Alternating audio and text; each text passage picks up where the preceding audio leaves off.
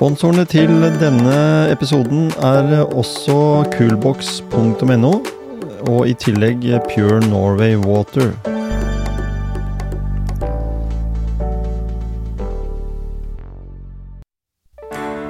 Velkommen til en ny episode i Motivasjonspreik.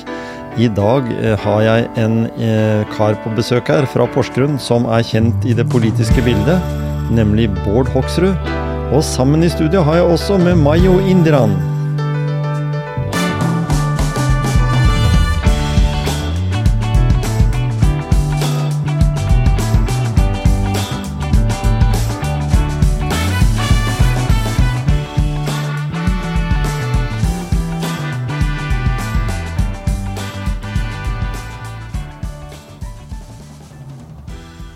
Da er vi i eh, Motivasjonspreikstudio, og her har vi fått på besøk eh, en eh, Mayo, som eh, vi kjenner fra politikken. Stemmer. Velkommen til deg også, forresten. Jo, tusen takk. Ja.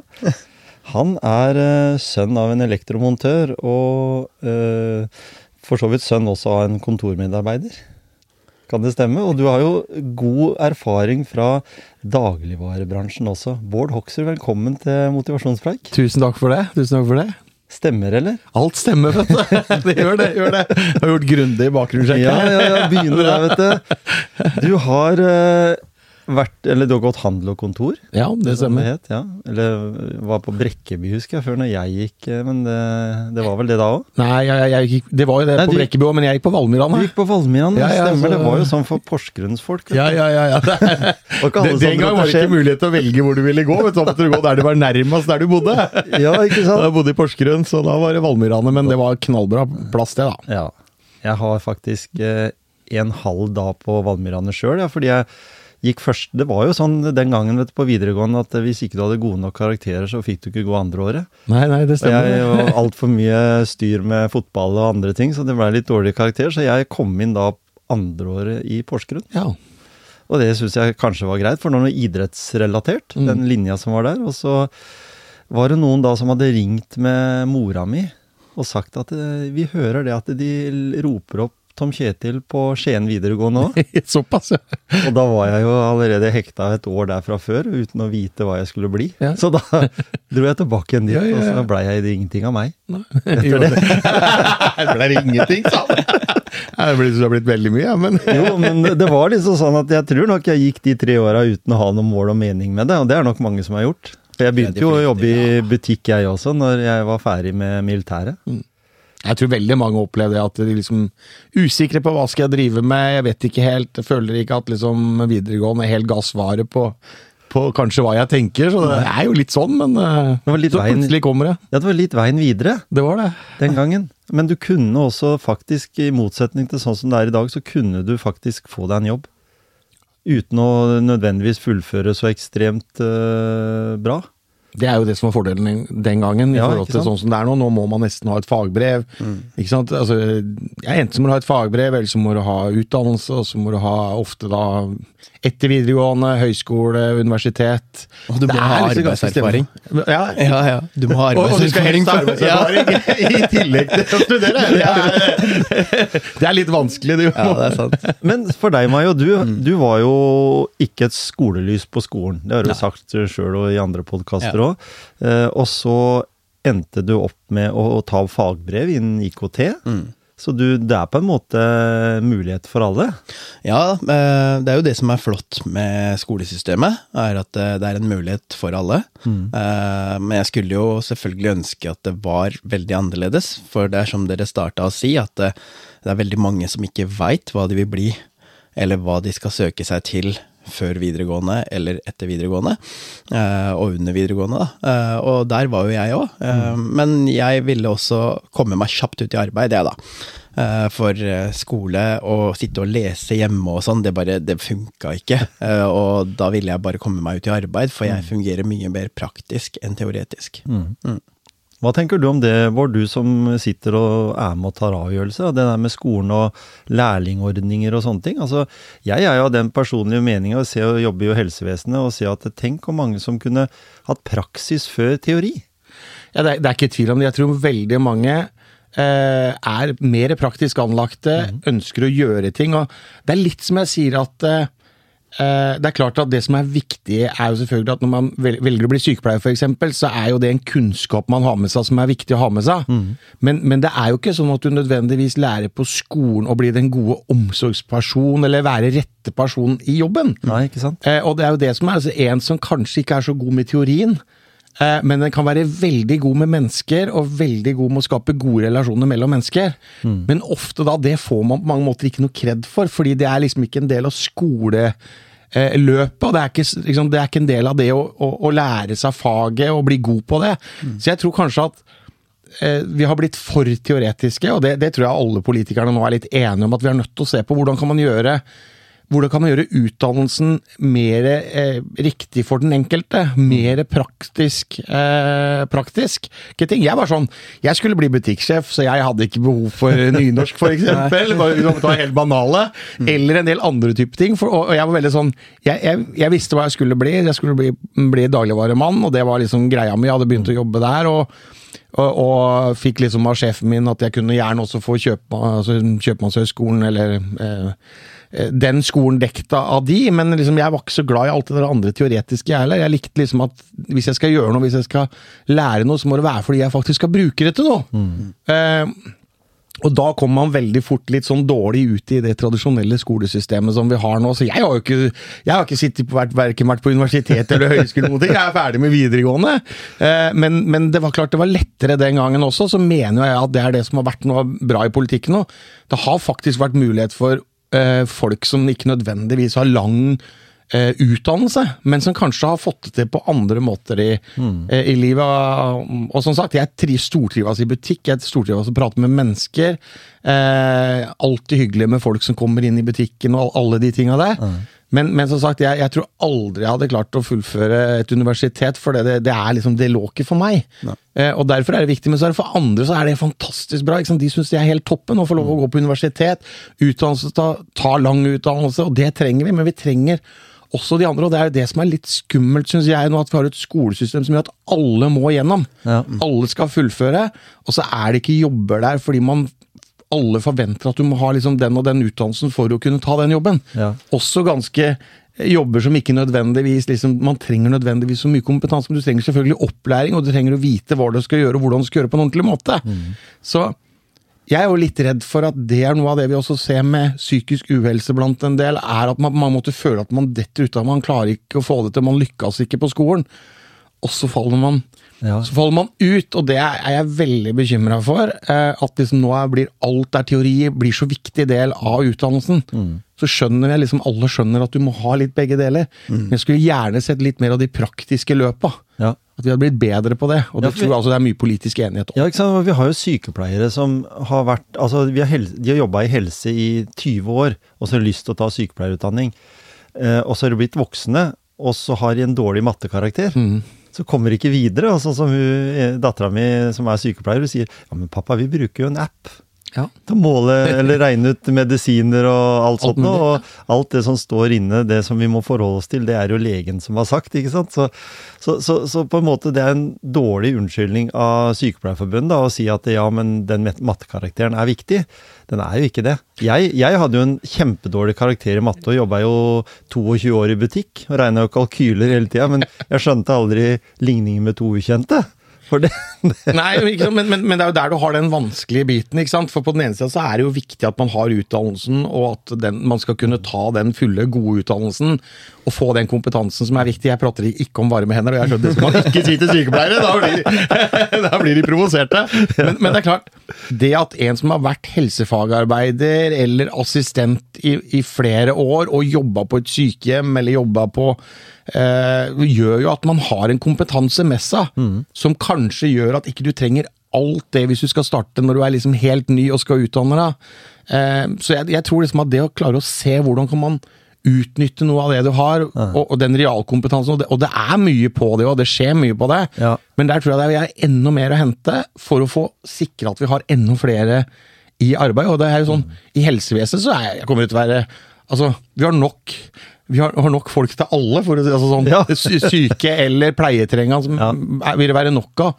eh, så, til alle. Så vi trenger jo faktisk å utnytte alle de som da kanskje har ja, ja, se hvordan kan man klare å få flere av de som nå er utafor arbeidslivet, hvordan kan man klare å bruke den kompetansen og den ressursen de er. Det er, kommer til å bli den store utfordringa. For det vi ser nå, sant, det er diskusjoner. Man vurderer å legge ned helseforetak her, eller helsetjenester her og der fordi det ikke er folk.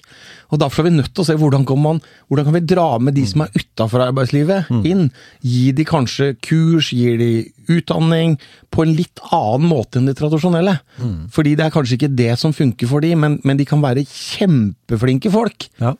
Men, men, de har kanskje ikke liksom eh, Har ikke lyst til å ta hele det studieløpet. Mm. Men vi må nødt til å se hvordan kan vi bruke de, for hvis ikke så detter folk ut. Eh, og det med alt det det medfører av psykiske helseplager, fysiske ikke sant? Alltingen henger sammen. Mm. Og jeg tror at det å gå hjemme, det å ikke ha noe å gjøre, det tror jeg gjør at du føler at du er på utsida av samfunnet. De fleste ønsker å være en del av flokken. Mm. Vi ønsker å gå på jobb, vi ønsker å være sammen med andre mennesker. Mm. Og det betyr så utrolig mye, og derfor så ja, nå prater jeg mye, men, jo, men det blir liksom altså Dette er jeg skikkelig engasjert i, fordi jeg ser eh, med folk som detter utafor Hvis man bare får litt den hjelpa, ser at man klarer å få til ting Frisk Bris som vi har i Bamble, syns jeg er et fantastisk bra tilbud, mm. som klarer å dra folk som er på vei ut av arbeidslivet, eller som sliter med å komme inn i arbeidslivet. Og så klarer man å se, hvis man klarer å legge til rette på rette måte og se alle de kvalitetene de menneskene har. Mm så lykkes man, og så, og så, får man også en sånn der Lykkes man enda mer, fordi man blir litt stolt over at man ser at man faktisk lykkes. Ikke sant. Og, og Mai og jeg, vi skal faktisk ut til Henning vi, og besøke dem på Frisk Bris her. Ja, mm. vi har bare ikke fått snakka noe om det. Eh, det er et fantastisk prosjekt Veldig som spennende. gir eh, folk eh, som har egentlig gitt litt opp, mm. eh, muligheten. Eh, men Bård, når du uh, tusla rundt på småsko i Porsgrunn, ja. hva, hva, så du eh, som Altså, du sier det at du var, skulle jobbe i butikk, og du skulle etter hvert bli butikksjef og sånn. Uh, så du noen ganger en sånn politisk uh, lite engasjement? Fordi du, du er jo Du har sagt til meg før, husker jeg at du, det var bare tilfeldig at du havna i Frp, f.eks., for eksempel, fordi det var noen forbilder du syns gjorde en, en hederlig og god jobb. Ja, det, det, var, det, var, jo det. altså litt sånn, du, du, I hvert fall så, så, gjorde jeg det. For det første så begynte jeg å tjene penger, begynte å se at jeg betaler skatt. Ja. og begynte å synes at lokalpolitikerne brukte pengene på litt sånn rare ting. Mm. Og så var det der, Jeg har alltid vært opptatt av rettferdighetssans. da, Det har liksom vært noe som har fulgt meg hele livet. Ja. Og, og, det prøver jeg liksom å være opptatt av. Så jeg blir litt sånn sinna når jeg ser systemer som kjører over enkeltmennesker. Ja. Eh, og, det, det liksom, og, og, det, kom ganske tidlig. Så kom det der engasjementet. Og, og, da var liksom, For meg var det ikke så veldig mange andre alternativer, for de andre er så, er så systemtro. Mm. Systemene er viktig. Det er liksom viktig at det er sånn, og det er en grunn til at det er sånn. Ja, men når det gjelder enkeltmennesker, så må man klare liksom å finne de gode man må finne de gode løsningene. Man må sørge for å finne hvordan kan man, hvordan kan man løse dette her. Mm. Altså Jeg tror vi hadde hatt mange frustrerte mennesker hvis man hadde blitt tatt imot på en litt annen måte. Hatt litt mer altså sånn, Jeg opplever at offentlig sektor er veldig lite villig til å si unnskyld. Yep. Ja. For mange hadde bare det at noen kunne sagt unnskyld, og sagt at vi har gjort en feil, ja, kunne kanskje gjort at noen hadde slutta eh, å være så Fordi man for noen så blir man så opptatt av at man føler den urettferdigheten, og man skal ha den rettferdigheten. Mm -hmm. Og så får man ikke den, fordi det er liksom sånn Det har gått for langt, og det er blitt for mye prestisje. Eh, og det er liksom nederlag for det offentlige å si at 'hei, vi gjorde feil, beklager'. Ja. Mens man, hvis man hadde klart å gjøre det, så tror jeg man hadde spart seg for mye. Ja, ikke og ikke minst masse frustrasjon hos, hos mennesker. Så liksom, det er det som har vært min, min sterke greie. er liksom den der, jeg blir så sinna når jeg ser andre bli behandla dårlig. Ja. Mm. Eh, ja. du, for du har jo vært gjennom det, Mayo, den saken som det var skriverier om eh, i forhold til når du måtte sitte i fengsel, og alt det på, på feil grunnlag, da. Mm. Eh, og så mista du jo egentlig karrieren din. Du måtte jo bygge den opp igjen fra null. Eller fra minus, faktisk. Ja. Eh, følte du litt sånn urettferdighet i systemet? Det gjorde jeg, eh, og det kjenner jeg jo på den dag i dag. Mm. Eh, at det er urettferdigheter. Jeg føler også at systemet er litt utdatert og gammeldags. Jeg er veldig for fornyelse i flere sektorer. Og det jeg kjente på, var at jeg ikke ble hørt, og jeg ble ikke uh, sett på som jeg burde fortjent å bli sett på. Uh, for alle i samfunnet, de har jo en vei de går fra de begynner livet sitt. og jeg syns at man skal se alt, da ja, før man dømmer folk. Mm. Uh, veldig mange er tidlig ute med å lese overskriftene på mediene. Og så har media, uh, norsk media, har en sterk stemme til å påvirke. Uh, og når de da skriver ting eh, ut ifra deres perspektiv, fordi de er så avhengig av disse klikkene og disse leserne, eh, skal finne det interessant og fremstiller det på en måte som ikke er sant, eh, så påvirker det ingen andre enn den pårørende, som var meg i dette tilfellet, og familien min og vennene mine. Mm. Um, og det er veldig tøft uh, å måtte stå i det i fire år. Og så går man inn i detaljer og ser, og så ser man i dokumenter og sånn at herregud, den saken her var jo egentlig avklart allerede åtte måneder etterpå.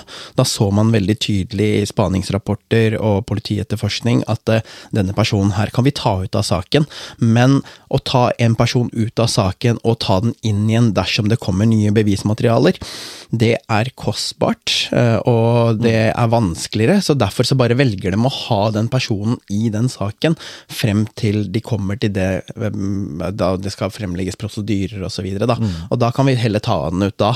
Uh, men den personen som må bære den i saken uten å egentlig er kriminell, den får det veldig vanskelig i løpet av de fire årene. Den går gjennom et psykisk eh, Altså, ja, jeg ble preget veldig psykisk ja, eh, over disse fire årene. Eh, og jeg visste at jeg ikke hadde noe med dette her å gjøre. Eh, og da går det utover jobbmuligheter. Du må møte et samfunn som allerede har stemplet deg. Uh, og det går utover livskvaliteten din. Uh, og det, når det er over fire års periode, så skader det så sinnssykt mm. mye. Og det gjorde det for meg også. Mm. Og det var vanskeligere å bearbeide dette her, her, etter disse fire årene. Og så skal plutselig livet være uh, bra igjen. Det blir det ikke. Det tar så lang tid å bearbeide en sånn skade. og så har du alle får det ikke heller med seg, så du har fortsatt det hengende over deg. Så du må gå rundt og forklare deg hele tida, uh, uten at det egentlig skulle vært nødvendig. Mm. Uh, så man er ikke beskyttet Uh, og så skulle det vært annerledes, da. Så føler man at disse etatene da uh, Jeg kjente på det, så tenkte jeg sånn Sitter det noen der som bare ikke gidder å gjøre jobben sin? Tar de seg en kopp kaffe når de kommer, og tar det helt lungt på jobb? Mens jeg driver og rister hver dag over kanskje det skjer i dag. Ja. Ok, nå har det gått en måned, kanskje det skjer neste måned. Ja. Oi, nå har det gått et år, kanskje det skjer denne måneden her. Kanskje det skjer om ett år. Så begynner du hele tida å tenke der er det ikke noen som gidder å engang se på det dokumentet. Mm. Og man føler seg glemt da, av ja, for, systemet. Ja, for du blei jo på førstesida i alle disse tabloidavisene så var det meg og indierne, ikke sant? Mm. Eh, med, bilde og, med bilde og navn og alt. Mm. Uh, og så mange, på, i mange andre tilfeller da, så står det bare mann, 28, 29 år, uh, gjort sånn og sånn, og det liksom kommer ikke ordentlig fram. Tidligere idrettsutøver, uh, det og det. Mm. Og, men du blei planta midt i trynet på folk som leser disse avisene. Var, og de leser bare overskrifter. Ja. Mm. Og da var det sikkert en redaktør da, i en av disse tabloidavisene, i mitt tilfelle så var det VG, um, som tok en sjefavgjørelse på at vet du hva, han har jo vært med på skandalereality, så da bare putter vi trynet hans ut der. Mm. Ja. Og så får han deale med det. Mm. Uh, og jeg ble offer for den beslutningen. På grunn av én persons beslutning så var jeg offer for det. Heldigvis etterpå så ser det ut som om de ikke har gjort det med andre. Jeg er veldig glad for det, for jeg unner ingen andre å gå gjennom det jeg gikk gjennom. Eh, men jeg syns det var veldig merkelig når jeg var der i det tilfellet, at de turte å gjøre det og gjorde det, eh, og aldri um, fikk noen konsekvenser av å gjøre det heller. Fordi det er ikke sånn det skal være i et så frittalende land, og der hvor sikt når du er sikta, så er du fortsatt ikke dømt, uh, og sånne ting. Så bare Jeg syns liksom systemet sviktet meg, da, eh, når jeg sto der. Uh, og jeg følte liksom at jeg fikk ikke sagt det jeg vil si, fordi jeg var jo satt jo inne med brev- og besøksforbud, så jeg fikk jo ikke beskytte meg selv heller. Eh, og det Ja, man føler seg maktesløs, da. Og der er jo Fremskrittspartiet er jo litt, har litt tydelig, i hvert fall Sylvi Listhaug snakker jo litt om dette med fengselsvesen og både forebyggende, men også sånn ettervern. Ja, det, er jo ikke tvil om at Og, og, og det man jo opplever, ikke sant. Det, er- det er jo Det er kanskje noe av det, den største krisa man kan komme i nå, hvor man bare blir hengt ut over hele over hele landet, ikke sant? Ja. Og, det er, og det er en snakkis, og og det er litt sånn Vi vet jo ikke noe hva som har skjedd, og det er liksom noe med den derre Det er litt sånn ytringsfriheten vår på sitt beste og verste. Ja. Ikke sant? Man, man, I Norge så er ytringsfriheten veldig stor. Det skal være lov å skrive, det skal få lov å si ting om eh, hverandre. Ganske ikke sant? Den terskelen er veldig høy.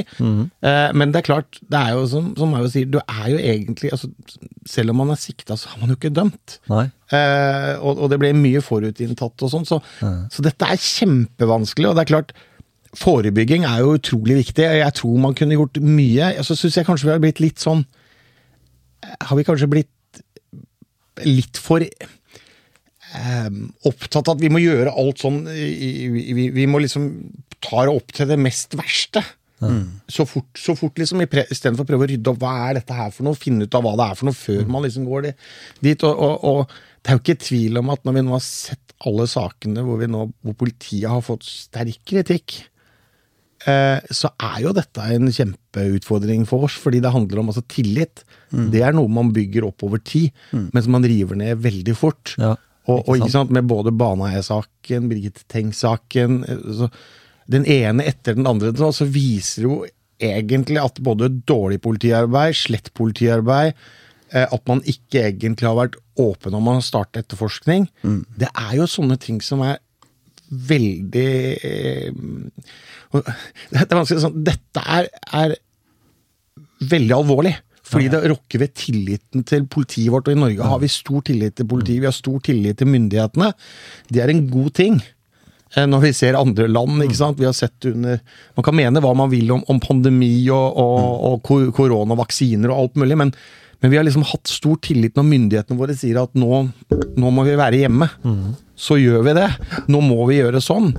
Mens, mens jeg ser nå at tilliten liksom både til politiet og rettsvesenet vårt nå, ser jeg er litt sånn ute for eh, Altså, det, det er mye, mye meninger om det, hvis vi kan si det sånn. Og, og, og, og vi ser på sosiale medier og sånn også, og det er jo en utfordring for oss politikere. Det er en utfordring for myndighetene, fordi det handler om at vi trenger å ha god tillit ute i befolkningen. Og det er akkurat det jeg skulle si. Én ting er politiet, at man har tillit til det. Men enda viktigere er det at man har tillit til rettsvesenet. Når man kommer så langt til retten og i en rettssak, så trenger man ikke tillit til politiet lenger. Da har, stoler man så på at eh, man får rettferdighet i retten. Og når retten svikter, og når det blir tatt avgjørelser av en dommer osv., så, videre, så mister man totaltilliten til hele rekka. Eh, og det syns jeg er skremmende nå. For nå ser du, eh, sånn som Elverum-saken, da.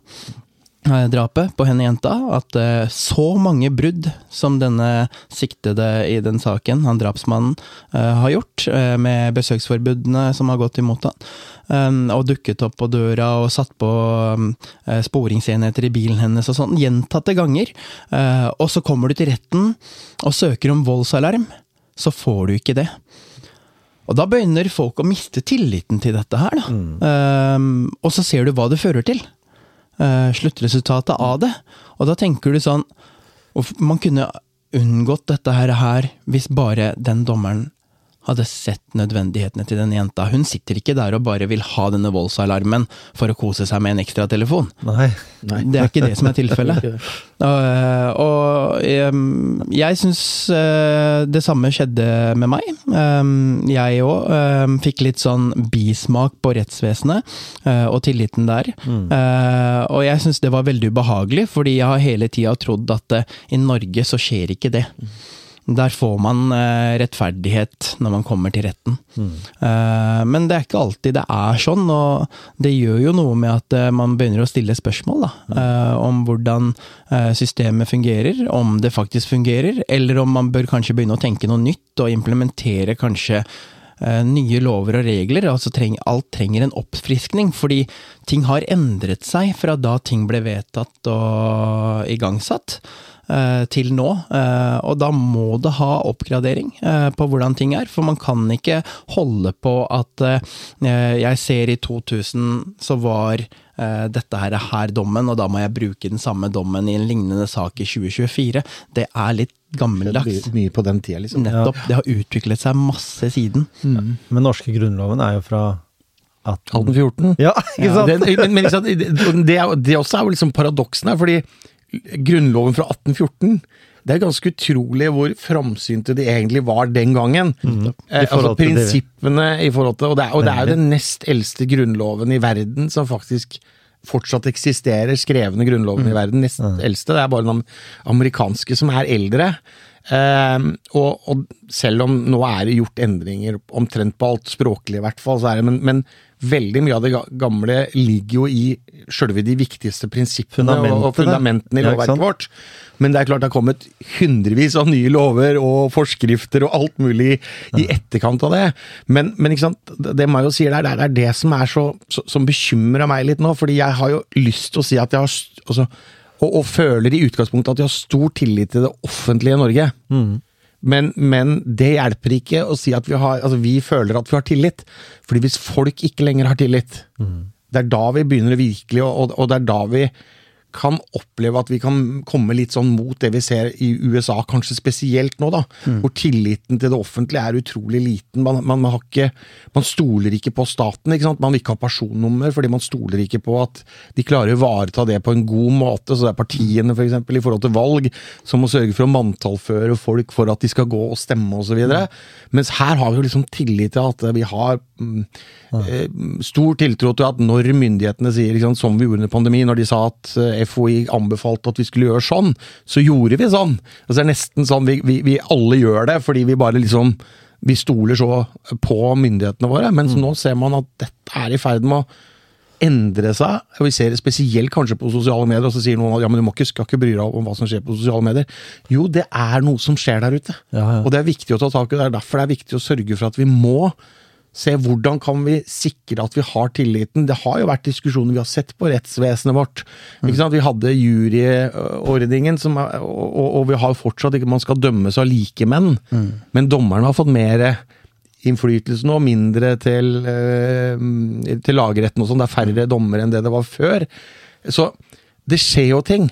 Men spørsmålet er klarer vi å treffe det som gjør at vi opprettholder den gode tilliten, og det er i hvert fall viktig for meg at det må vi jobbe med. Mm. For det er så viktig at folk skal ha tillit til, mm. til, til systemene våre. Også, eller også Frp-ere sier jeg var opptatt av tillit til systemene. Jeg, jeg, er ikke så glad i systemene. Men liksom, når jeg sier systemer, så tenker jeg sånn vi skal, vi skal, ha tillit til at politiet gjør jobben sin på en skikkelig grundig måte. Mm. Vi, vi, skal ha tillit til at rettsvesenet vårt faktisk gjør den jobben de skal gjøre, at vi dømmer folk som skal dømmes, og så frikjenner vi folk som skal frikjennes. Mm. På en ryddig og ordentlig måte nå. Det er jo folk som føler at de har ikke mulighet for eksempel, å kjøre saken sin, for det koster for mye penger. Ja, skulle, det skulle jeg også ja. ta opp, og det er at det, jeg skjønner ikke hvorfor, når man skal ta opp en sak da, mot f.eks. politiet eller eh, mot andre etater, så syns jeg hvis jeg som privatperson skulle da f.eks. tatt Nav til retten, så skulle det vært en easy case. Eh, og det skulle ikke kostet meg saksomkostnader eh, dersom jeg har en god sak. Eh, fordi da hadde vi kunne gjort ting mye lettere. Hadde man kunnet tatt sånne ting og fått klarheter rundt diverse saker, som f.eks. enten om det er i helsevesenet, Nav eller andre etater, da, som er bærebjerker for at samfunnet skal fungere optimalt og fungere som det skal, Nemlig. eh, så må vi ha en vei slik at eh, dem også for de sier jo det, de har så vanskeligheter med å si 'sorry, jeg gjorde feil'. Og de blir beskytta av retten i tillegg. Og det er vanskelig å komme så langt, sånn som forsikringsselskaper i dag. Um, sånn som Fremtiden opptrer. De slipper så billig unna fordi det koster så mye for en privatperson å ta dette til retten. Det, det, det koster nærmere 100 000-200 000 fordi du må betale advokat, saksomkostnader, og så må du ta deg fri fra jobb i tillegg. Og det er ikke alle privatpersoner som har råd til dette her, og da dropper de å ta dette til retten. Og så tjener forsikringsselskapene eller andre etater på dette her, fordi nei, folk er så skremte, de tør ikke å ta dette her til retten. Så jeg håper det i fremtiden kommer en bedre løsning for at man kan få saker opp til retten, da. Eh, Og for at ting skal gå litt fortere der, og samtidig for at eh, alle har en mulighet til å ta saken sin. For det er altfor mange saker som slipper unna av at det koster så mye for en normal borger å skulle vinne en sak. Ja, og, og? Og, det er jo derfor vi også blant annet sant, innenfor Nav så har man jo laga Trygderetten for eksempel, som skal nettopp være en, for å hjelpe til der. I- På helsefeltet som jeg jobber med, så har vi jo ikke sant, Norsk pasientskadeerstatning og Pasientklagenemnda. Utfordringa er jo at det jeg opplever, og vi klarte å få gjennomslag for at vi nå skal evaluere den ordninga, for den er jo ikke evaluert. Eh, I hvert fall ikke på veldig mange år, og den, den har vart vel i 20 år på Norsk pasientskadeerstatning. Men det som er min bekymring, er jo at, og, og, at folk har ikke tillit, de, som- de som klager, har ikke tillit til ordningen lenger. Nei. Og når folk ikke har tillit til ordningen, så Det er jo liksom hele hensikten med å etablere Norsk pasientskadeerstatning. Det var nemlig å sikre at vi hadde tillit, Mm. og at man hadde et klageorgan som man skulle kunne få prøvd saken sin. Og så sørga man for at det skulle være en objektiv ordning, hvor man altså ikke skulle ha politisk innblanding eller innblanding fra byråkratiet. Men vi opplever jo nå at det, eller i hvert fall mange pasienter som klager, opplever nå at de har blitt egentlig en sånn statens forsvarer. Ja. Eller sykehusenes forsvarer, eller legens forsvarer. Altså sånn Hele tida forsvarer det offentlige. Det var akkurat det jeg kjente på. Istedenfor å, å, liksom være De skal være objektive, ja. Mm. De skal gjøre det på objektive kriterier. Eh, og så må de faktisk, når det kommer saks... Eh, eller når det kommer eh, utredninger fra, fra spesialister osv., så, videre, Mm. Så velger man liksom sånn Nei, vi har vår egen Vi har vår egen lege som er den som skal Ja, ja. eh, si hva som er rett og gærent, og han leser bare dokumentene. Kanskje ikke spesialist på området som den spesialisten som har sagt at ja, men pasienten lider av dette sånn og sånn og sånn. Men det tar man ikke hensyn til, for man bruker sin egen lege. ikke sant? Og da, det er klart, når man gjør det, så mister man litt tilliten til ordningen. Og, og derfor må vi nå nødt til å evaluere, men det har liksom vært hensikten med å opprette noen av disse klageorganene, nettopp fordi at man liksom skal sørge for at staten tar litt sånn For det er vanskelig å finne en ordning som folk vil ha tillit til. Nettopp, for det er vanskelig å gå i sak mot staten, Ja. for det er staten igjen som lønner denne nemnda, da. Og da blir det liksom sånn du mot dem, Ja. uansett. Ja. Og når du kjenner på den følelsen, så mister du tillit. Og man liksom tenker, er det eh, ja, ok, det er de som betaler for at den legen eller spesialisten skal sitte der og, eh, og, og faktisk skrive det svaret som, som egentlig den som skal Altså, Hvordan sørger man for den objektiviteten og forsikre seg om at den blir god nok? og Det er derfor vi nå da skal evaluere, som vi klarte å få flertall for, heldigvis. Vi skulle gjerne hatt, vi ville gjerne hatt en videre evaluering, men vi klarte i hvert fall å få til at man skal se på ordningen. Fordi nettopp det er sånne ting som er viktig for meg. Det er det her jeg opplever liksom dette systemet som kjører over enkeltmennesker. Ja. Og det er vi nødt til å, å ta tak i. Ja, jeg er helt enig. Og Nav, vi er, så da er vi enige om det. For jeg, jeg var i en sak, eller jeg hjalp uh, yngstedattera vår til å klage på en sak i, gjennom Nav-systemet. Eh, og i dag så går jo alt elektronisk. Bortsett ifra det å sende klage, for det må du sende på brev. Ja. ja. så og da står det sånn under at eh, å, denne behandlingstiden vil ta inntil eh, minst fem uker, liksom. For det vet vi at i dag å sende et brev, det tar jo liksom 14 dager fra, fra Skien til Porsgrunn omtrent. Det skal liksom innom Tønsberg og Stokke og full runde. Så, så det er liksom litt for å trenere, fordi i dag så er det jo ikke alle som har printer engang. Så du må dra på jobben din, eller du må gjøre en masse arbeid, og da tenker jeg, skal det være så vanskelig å sende en klage på noe du har fått avslag på, bare fordi det, altså når alt kan gjøres elektronisk. Derfor så har jeg lyst til, vi, vi snakka om det her i stad, Mayo, før eh, Bård kom, dette med folkeavstemning. Dere er jo et parti, og du også som person, vil jeg tro, som står bak det partiet ditt sier. Ja, ja, ja, absolutt. Eh, veldig for dette med folkeavstemning. Ja.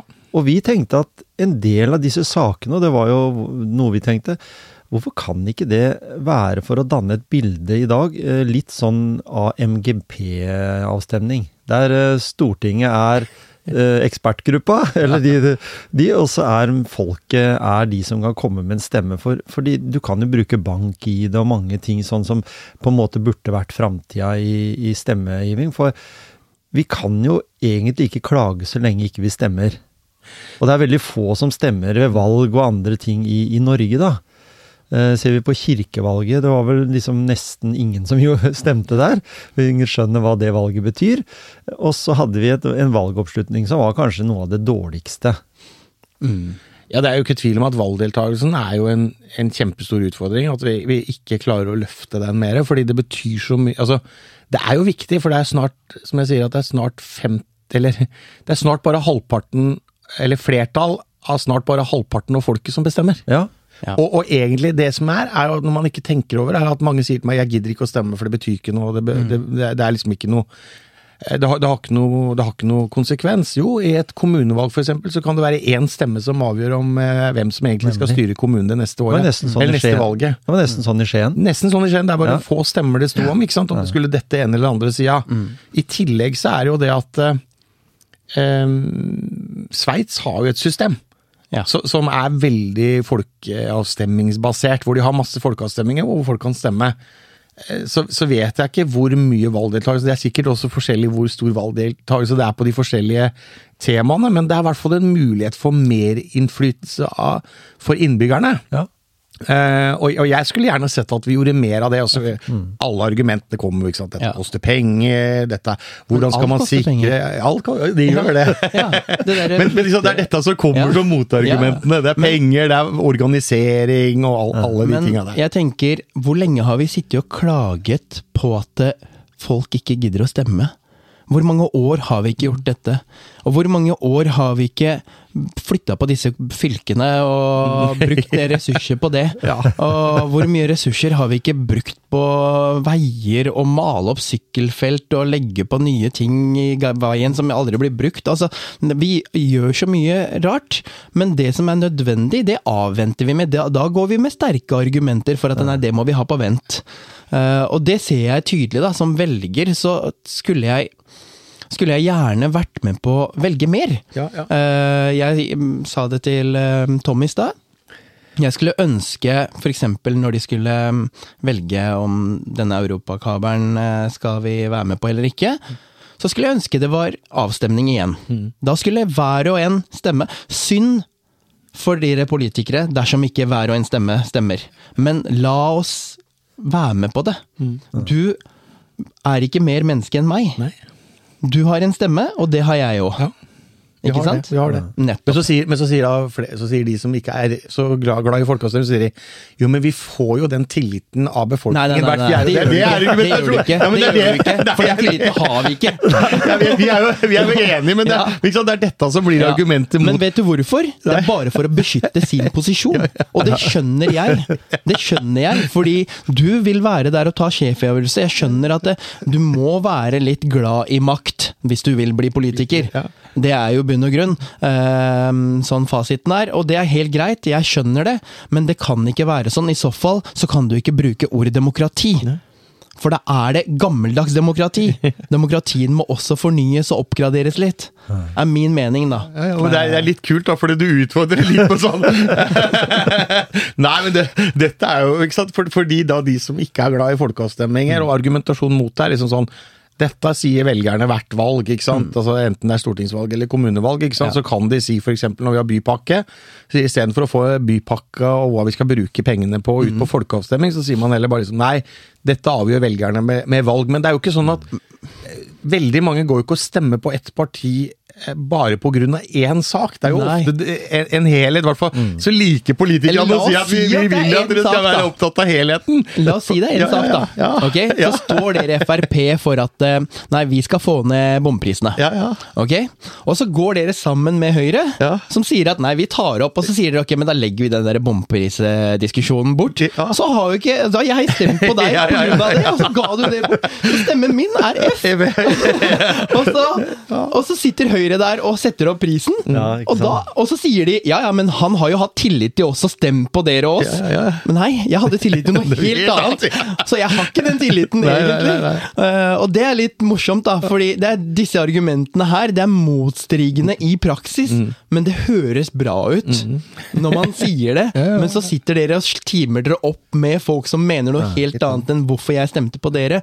Og da fungerer det ikke, og derfor tror jeg det er viktig med folkeavstemning, uansett valg som skal bli tatt i disse parlamentene eller ja, eh, kommunene, da. Eh, men sånn er det ikke, og det er derfor jeg tenker at eh, vi er nødt til å tenke nytt. Hvorfor det går til helvete i USA, er fordi de ikke har tillatt seg å tenke nytt. Mm. Uh, og vi er neste på lista, som du sa, for grunnloven deres er eldst, og vår er nest eldst. uh, så man bør kanskje se hva som kommer eh, i fremtida, da. Um, litt tidlig, og kanskje begynne å uh, gjøre litt uh, fornyelser.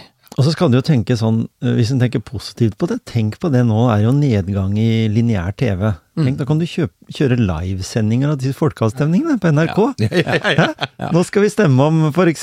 da Skal vi fortsette å bygge ut kabler og dele strømmen med Europa, ikke sant? Eller skal vi tviholde på den fordi det er 22 eh, minus i Norge blitt mm. plutselig? Sånn som både Bård og jeg i hvert fall eh, har opplevd. For vi har jo opplevd sånne kalde vintre med mye snø før. Jeg bor jo i Norge. Så la oss si du er på hytta, da.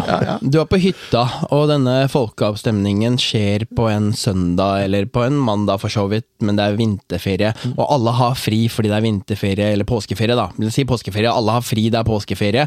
Uh, alle har tilgang til telefonen sin. Mm. Uh, alle har tilgang til internett, uansett hvor de er nå i dag. Mm. Så alle kan stemme. Og med en sånn livesending, da, uh, direktesending på NRK, der man får opp alle disse som tikker på ja og nei, så kan man ha diskusjoner med deg der for nei, og jeg for ja, for eksempel. Mm. og så er det om å vinne disse eh, velgerne. Og så kan de som mener at ja, den europakabelen bør vi ha, disse politikerne, få stå der og argumentere for seg. Og så får de som sier nei, argumentere for seg. Og de som da velger å ikke stemme på mobilen, det er deres tap. Eh, og de som da eh, engasjerer seg, de er jo med på å stemme. Mm. For de følger med, de er med på dette her. La de være med, de som engasjerer seg. Eh, la alle få bruke stemmene sine. Det er det som er demokrati. Det er ikke demokrati når noen andre tar sjefavgjørelse for meg.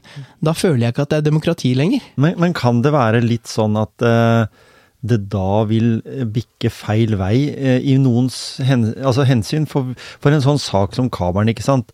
Vi tenker jo at den kabelen på en måte kanskje var grei den gangen den blei bygd, fordi da var det ingen som eh, på en måte signaliserte at vi ville måtte betale ti ganger mer i strømkostnader, og mange bedrifter i dag har jo blitt nedlagt, arbeidsplasser Noen, noen sa det, skjønner du. Ja, det var noen, noen som nevnte imot, det, ikke sant? Men de blir nedstemt. Eh, media er også med på å ikke la denne stemmen få skrike høyt, mm. eh, og sånne ting. Men dersom man putter både den som stemmer, altså argumenterer for og imot på en livesending, og får muligheten til å prate, så er det opp til meg og deg å bestemme hvem av de jeg føler for, da. Det er ganske kult, det, ja. det du kommer med nå. Så, så ser jo jeg som politiker, så ser jeg ja, her er det Her er det, kommer liksom motargumentene. Jeg, som ja. sagt, jeg syns jo folkeavstemning er veldig bra. Mm. Eh, jeg syns vi skulle brukt mer av det. Det er jo liksom, det er EU-avstemninga som er liksom Det er to ganger så har vi brukt det. Ja. Eh, ellers så har vi jo har, har det vært borte. De har hatt noen kommuner, da. Noen kommuner har hatt Ja. det. ikke sant? Og hatt folkeavstemning om kommunesammenslåing og sånn.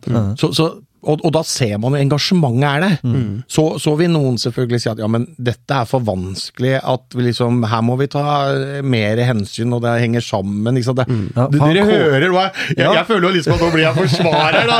jo, men han, De er ikke alltid Han liker å forsvare. han Kåre som bor i Valebø, Ja. han har jo ikke peiling på hva han svarer ja eller nei på, så siden han bruker mobiltelefon, så svarer han garantert nei, for han er litt negativ til Ja. de høye strømkostnadene.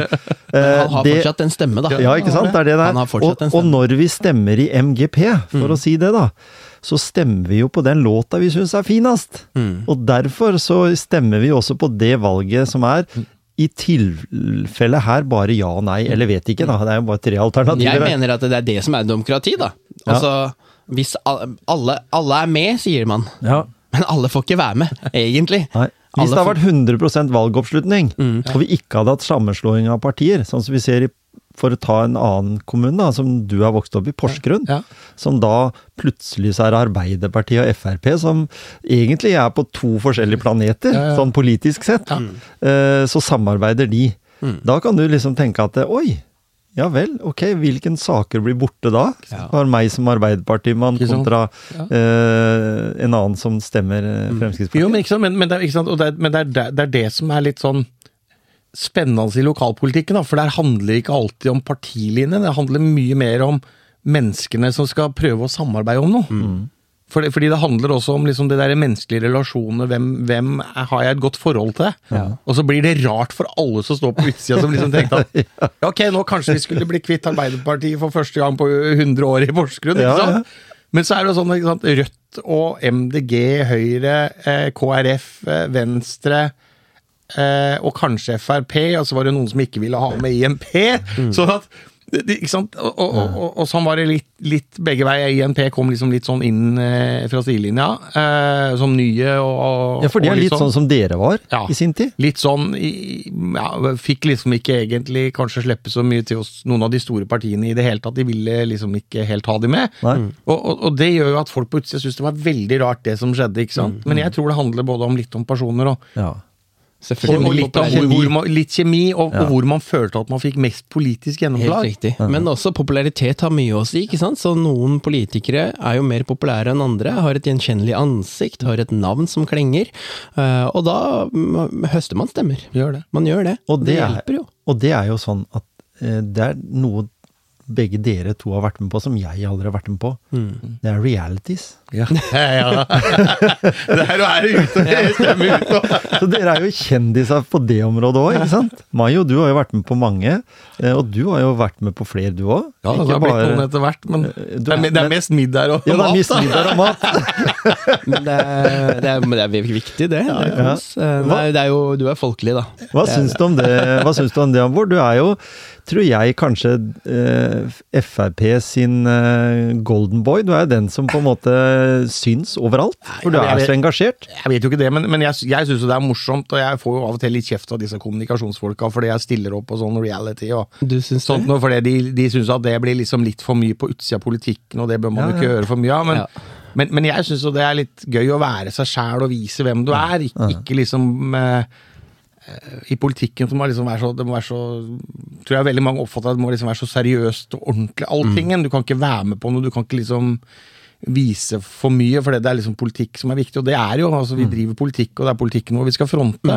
Men allikevel, det må liksom, for meg som jeg sier, du får Bård Hoksrud på godt og vondt, og det er ja, Jeg må faktisk skyte inn noe der, da. Eh, og det er at eh, jeg, skjønner at rådgiverne dine sier at eh, du er for mye på TV og sånne ting.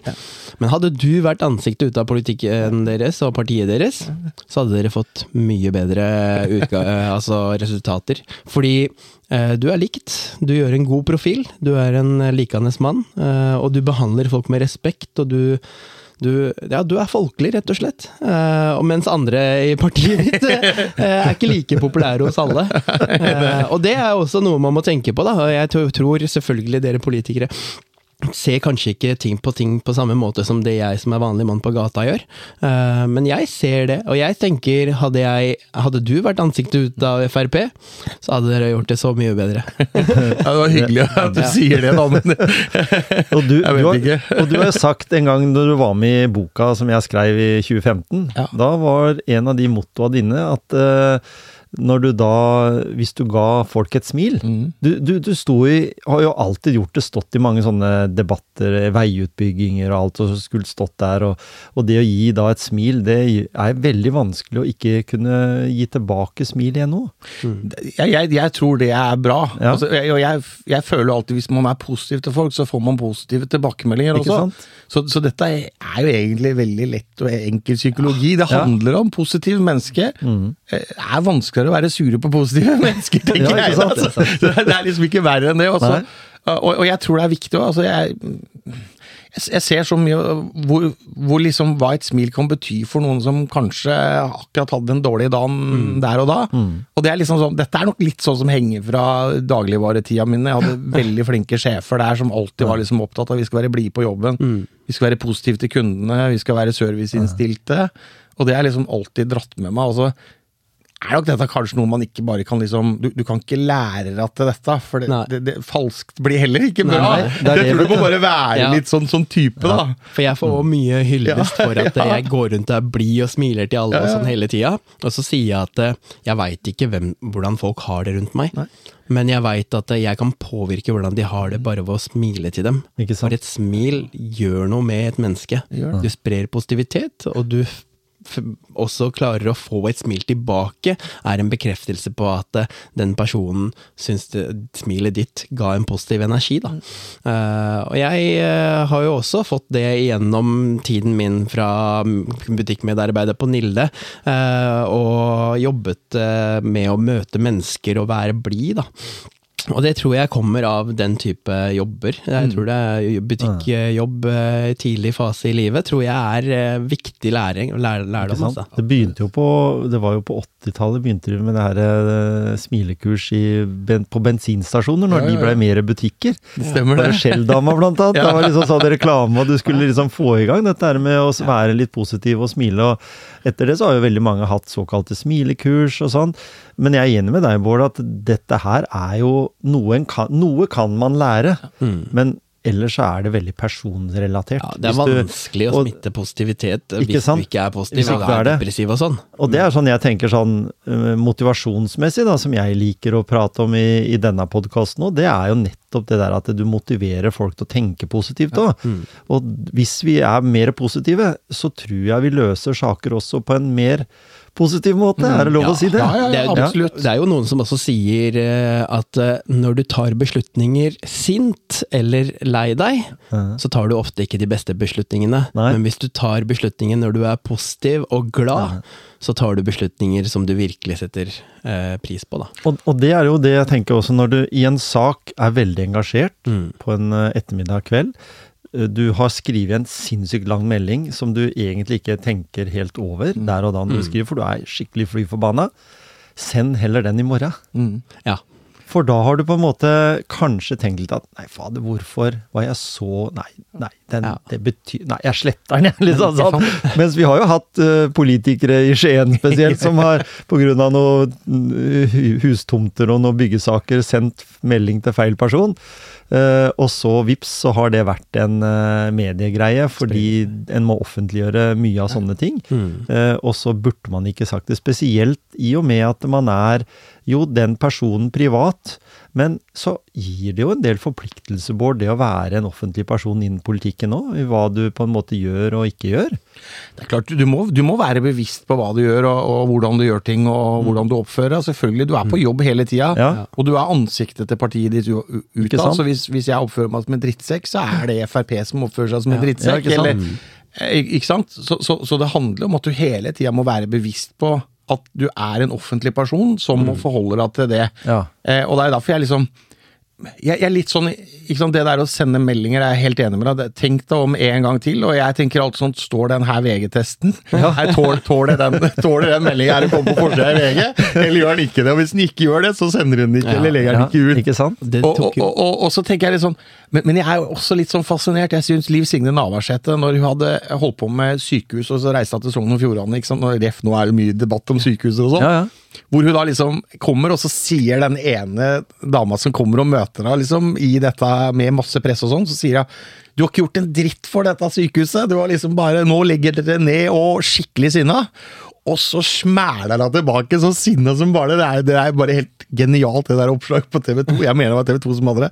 Og sånn eh, jeg har jobba i mange dager, sittet i netter og diskutert dette, og jeg vet jo, ikke sant Altså, hun fikk ikke gjennomslag Nei. Eh, hos eh, Jens Stoltenberg den gangen, som var statsminister. Så de bestemte at dette blir lagt ned, sant? men hun hadde kjempa for det, og så kommer det noen og bare sier at du har ikke gjort en dritt på vårt fylke! Og den, der, den menneskelige reaksjonen, da. Ja. Men, men så tenker jeg litt sånn, og det er litt sånn jeg tenker noen ganger også, fordi jeg opplever at mange som tar kontakt med det offentlige, og litt tilbake liksom til det der jeg starta med, det, dette med rettferdighetssansen min, så skjønner jeg at veldig mange ganger så er det sånn at folk blir sinna, de blir frustrerte, de føler at de ikke når når fram, får ikke til det de vil, og så skjeller de ut kanskje saksbehandleren. Og så tenker jeg noen ganger når du skjeller ut saksbehandleren din, det er han som skal da eh, godkjenne Ja. eller ikke godkjenne, eh, som, som faktisk fatter beslutning i den, den saken din. Det er klart at hvis den har opplevd deg som en drittsekk, ja. Så er han jo ikke like positivt innstilt på å gi et positivt svar. Det lærte jeg ganske tidlig, altså. Fordi jeg har jo ringt noen tilfeller, eh, enten om det er parkeringsbot eller andre fakturaer som har gått til litt inkasso og litt sånne ting, så skal jeg ringe. Så tidlig når jeg var yngre, så ringte jeg, og da var jeg sint, altså. Men da skjønte jeg alltid at da var de mindre snille med meg. Så hvis jeg, hvis jeg legger meg litt flat og høres uskyldig ut og stakkarslig ut på denne telefonsamtalen når de opp, oppbyggingen av den samtalen starter, og høres jeg trist ut, så hjelper de meg mer. Ja, ja. Så du må være snill med de som behandler sakene dine. Ja, ja, ja. Det er viktig, altså. Og, så- og sånn er det jo i helsevesenet òg. Ja. Hvis du har noen pårørende som er skikkelig på. Mm. Fordi sånn har det jo blitt med nå når media har hatt en del saker om det, ikke sant. Så blir jo vi som jobber i helse, vi blir jo I det ene øyeblikket så er vi jo helter og engler og Ja. alt, men i det neste øyeblikk når det kommer en TV-program fra et, ett enkelt sykehjem i Norge, Ja. så,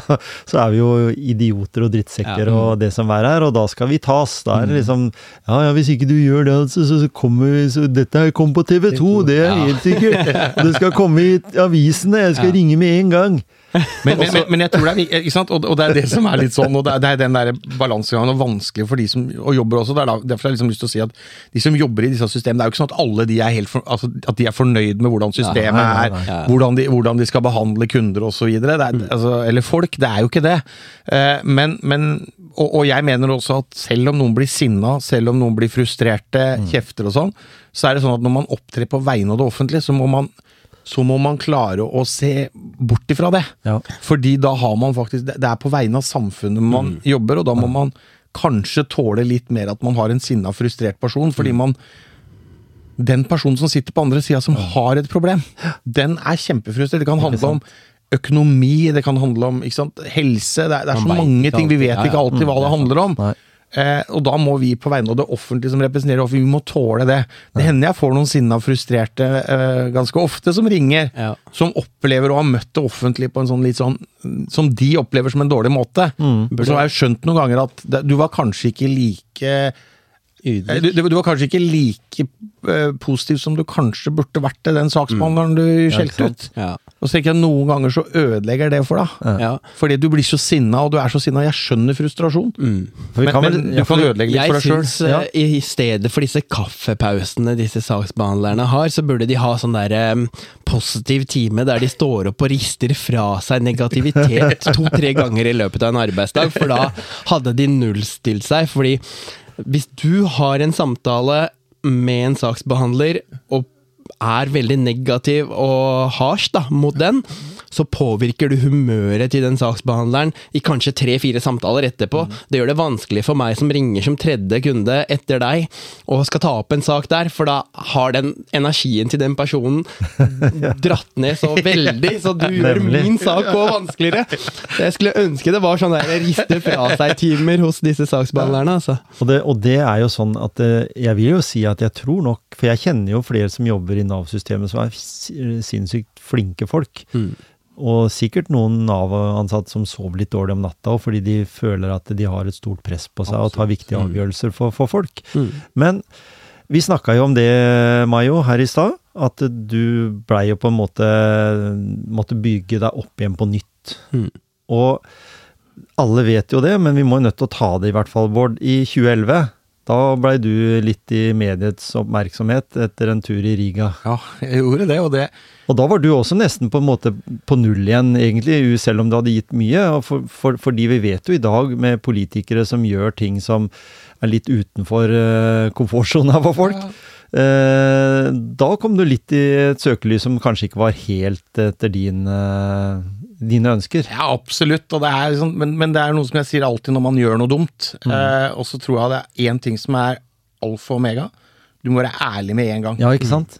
Du må være bånn ærlig. Du må ikke noen etterpå. fordi når, når man først bestemmer seg for at nå skal vi ta noen, så gjør de det uh, Altså, de gjør det 110 Ikke Du må eie situasjonen så med du, en må, gang. du må nødt til å eie situasjonen. Du må nødt til å være ærlig.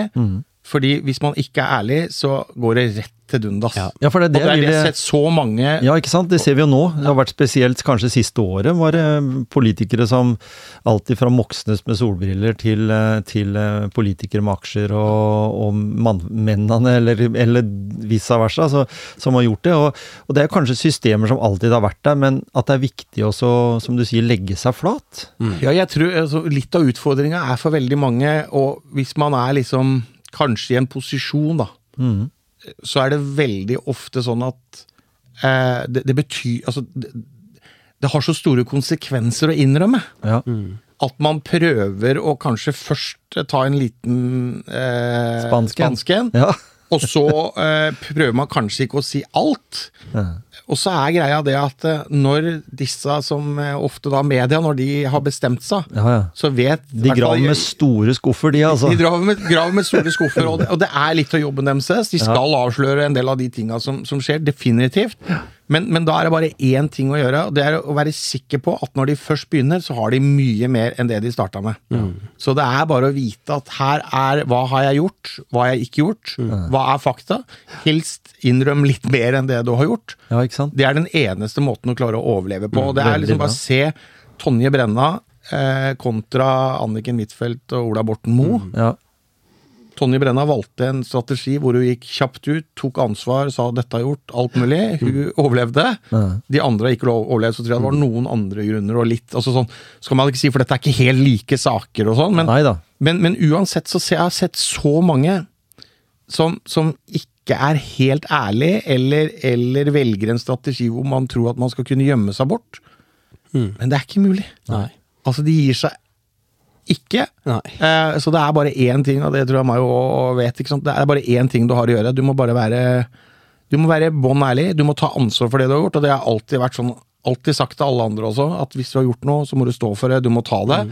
Sånn er det hjemme hos oss også. Så er det sånn at det, av og til kan det være en del ting som ikke er like hyggelige, men det er sånn vi står for det vi har gjort, Ja. og tar ansvar for det vi har gjort. Det er liksom, det har alltid vært en sånn der leveregel for meg. Ja. Og så gjør det grusomt vondt av og til, og det føles av og til til og med urettferdig ut.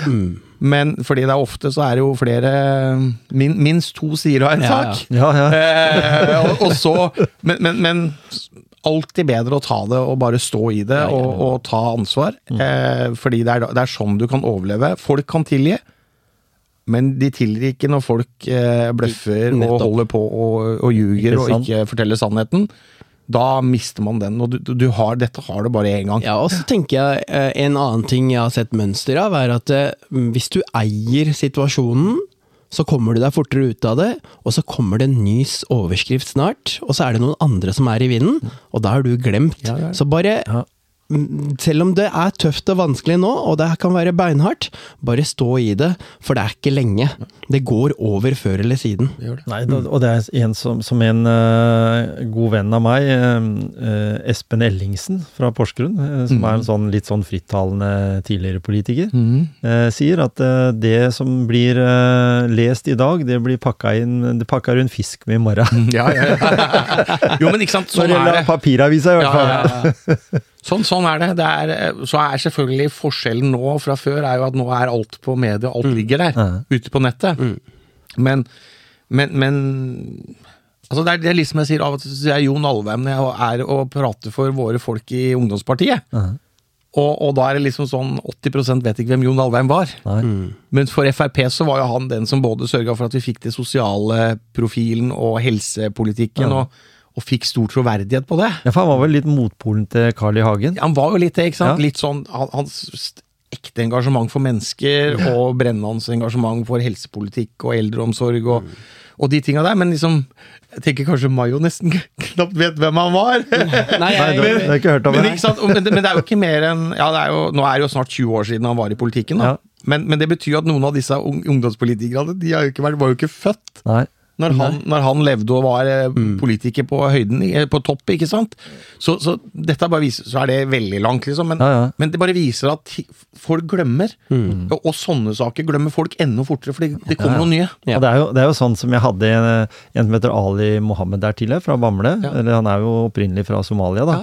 Men han eh, der hadde jo litt sånn ordtak, og jeg nevnte vel det for deg også, Mai, å, hoppe etter Wirkola. Du aner jo ikke hvem Bjørn Wirkola var. Nei. og jeg ser av og til så bruker vi noen sånne skal lage ja. noen sånne morsomme poenger til media og sånn, og da bare sånn Journalister vet ikke hva de prater om, for det, det, dette, dette var lenge, lenge før. Men, men ikke sant? Og det er det der med Bjørn Wirkola. Det Ja, ja. sånn, det er ingen av den unge generasjonen som har vet peiling på det. hvem, Nei. du vet du hvem Vegard Ulvan var, eller? Nei.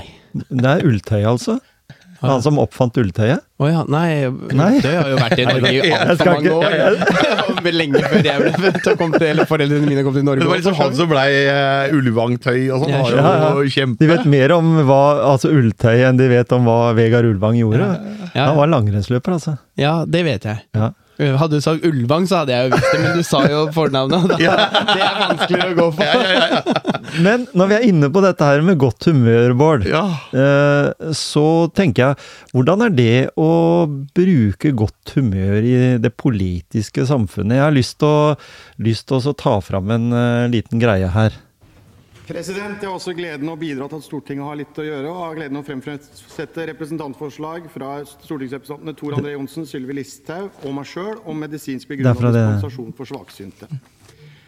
Og representantforslag eh, fra stortingsrepresentantene Tor André Johnsen, Åshild Brun Gundersen, Roy Steffensen om kostnadseffektive veiinvesteringer og meg sjøl.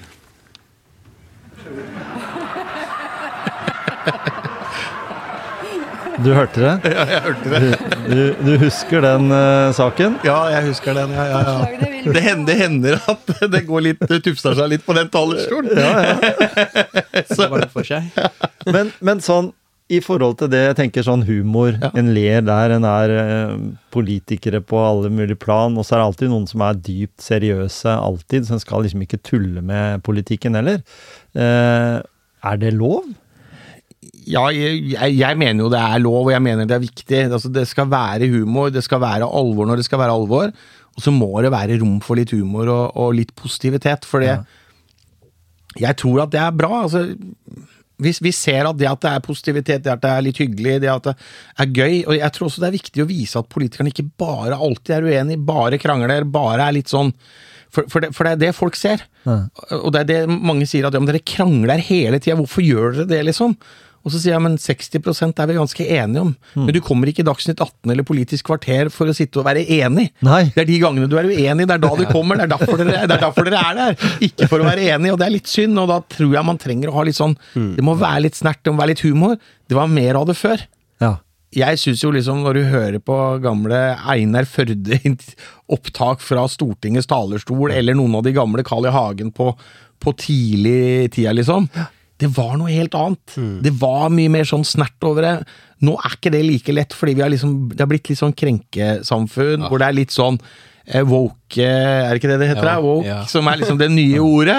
Hvor, hvor folk blir veldig fort fornærma enten på egne eller alle andres vegne. Og det er litt synd, Ja. fordi det gjør at man ikke tør å kanskje ha den derre litt sånn spisse brodden, ha det litt sånn Være litt sånn frekke mot hverandre, men på en hyggelig måte og med litt sånn morsomt eh, Litt ironi, kanskje? Litt ironi, litt Ja, ja. morsomt. Og det er det blitt mindre av. Ja. Fordi nå må alt være liksom ordentlig for det, hvis ikke så kommer VG eller Dagbladet, og så har du svære overskrifter. Og så begynner alle liksom å stille spørsmål med hvorfor det, og hvorfor brukte den det ordet og ikke det ordet. Og... Det skal være så moralsk og politisk Ja. korrekt, ikke sant? Og den krenkekulturen, den er farlig. Den har kommet for å ta knekken på samfunnet, egentlig. Ja. jeg syns eh, det var mye bedre før, når eh, da hadde man ytringsfrihet. Eh, nå syns jeg ikke man har det lenger. For du har ikke ytringsfrihet hvis du må være forsiktig om uttalelsen din av at du skal være redd for at noen blir krenket. Eh, da er det ikke ytringsfrihet. Nei, jeg føler i hvert fall at vi må, vi må passe på.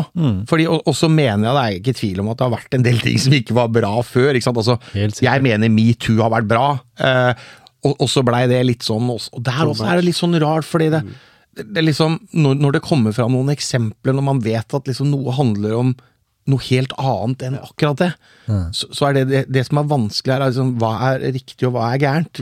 Men, men plutselig så blir det sånn at eh, for en del sånn Ja, men dette er jo ikke noe.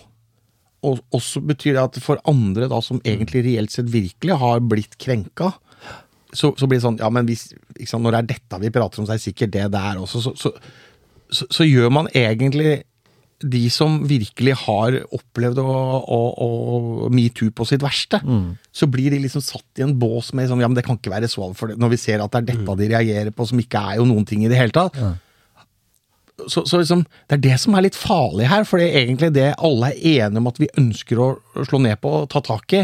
Og så blir det på mange måter litt sånn misbrukt av noen andre deler av det. Jeg må passe på hva jeg sier her, for her er det veldig Ja.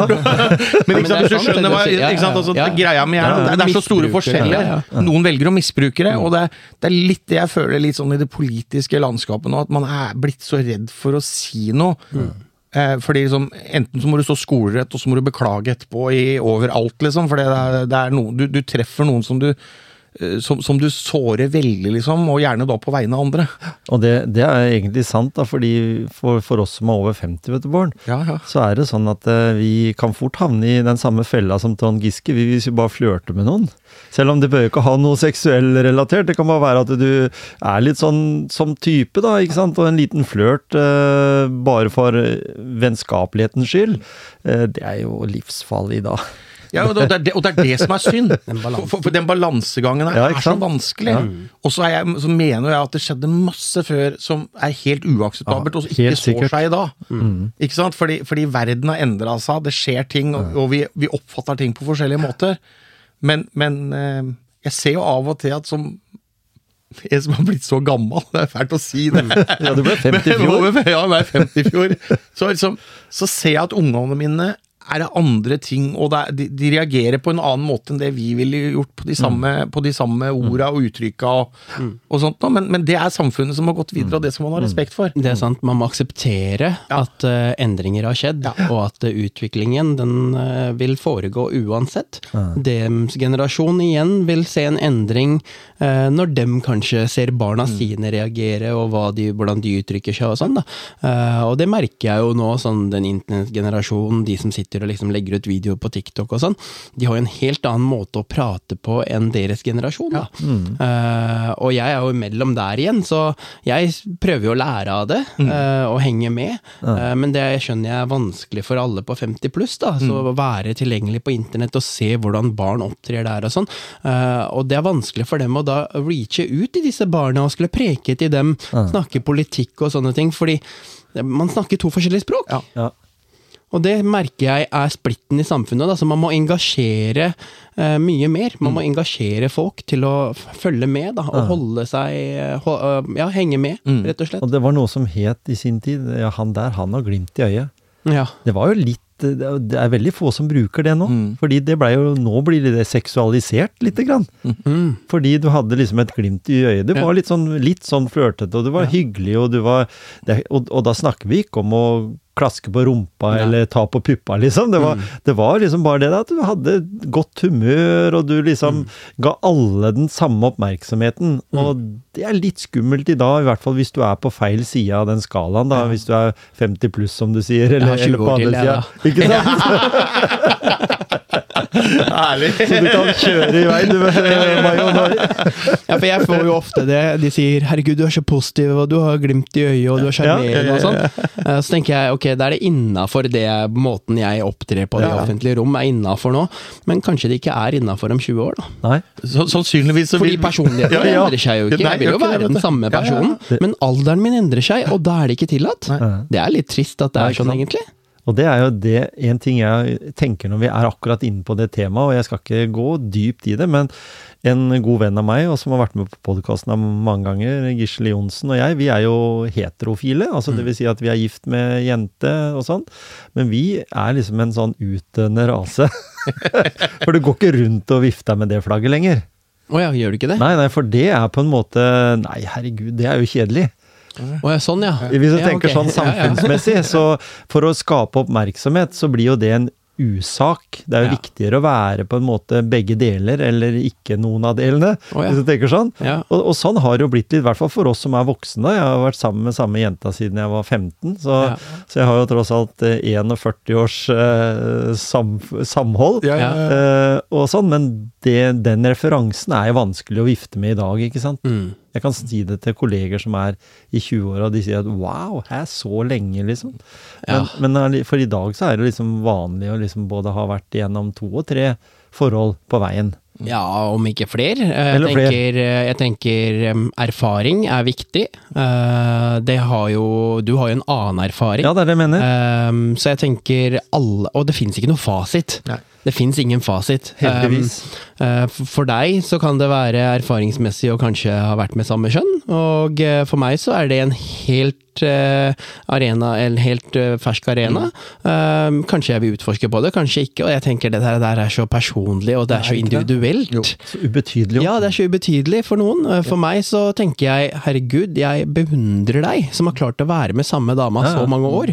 Uh, Jeg vil, og jeg vil også komme dit. Eh, For jeg tenker den stabiliteten dere har i forholdet deres, det beundrer jeg. Eh, For det er jo tydeligvis de som har bytta tre partnere, har jo kanskje ikke klart å finne det, eller kjenne på det, og kjenne på den tryggheten du har følt på noen gang. For trygghet er jo det vi alle vil kjenne på, i alle former, da. I både livet, hverdagen, rundt oss, i hvert fall nå som vi ser drap og ditten datt og sånn. Den tryggheten Kirsti kjenner på gjennom deg, mm.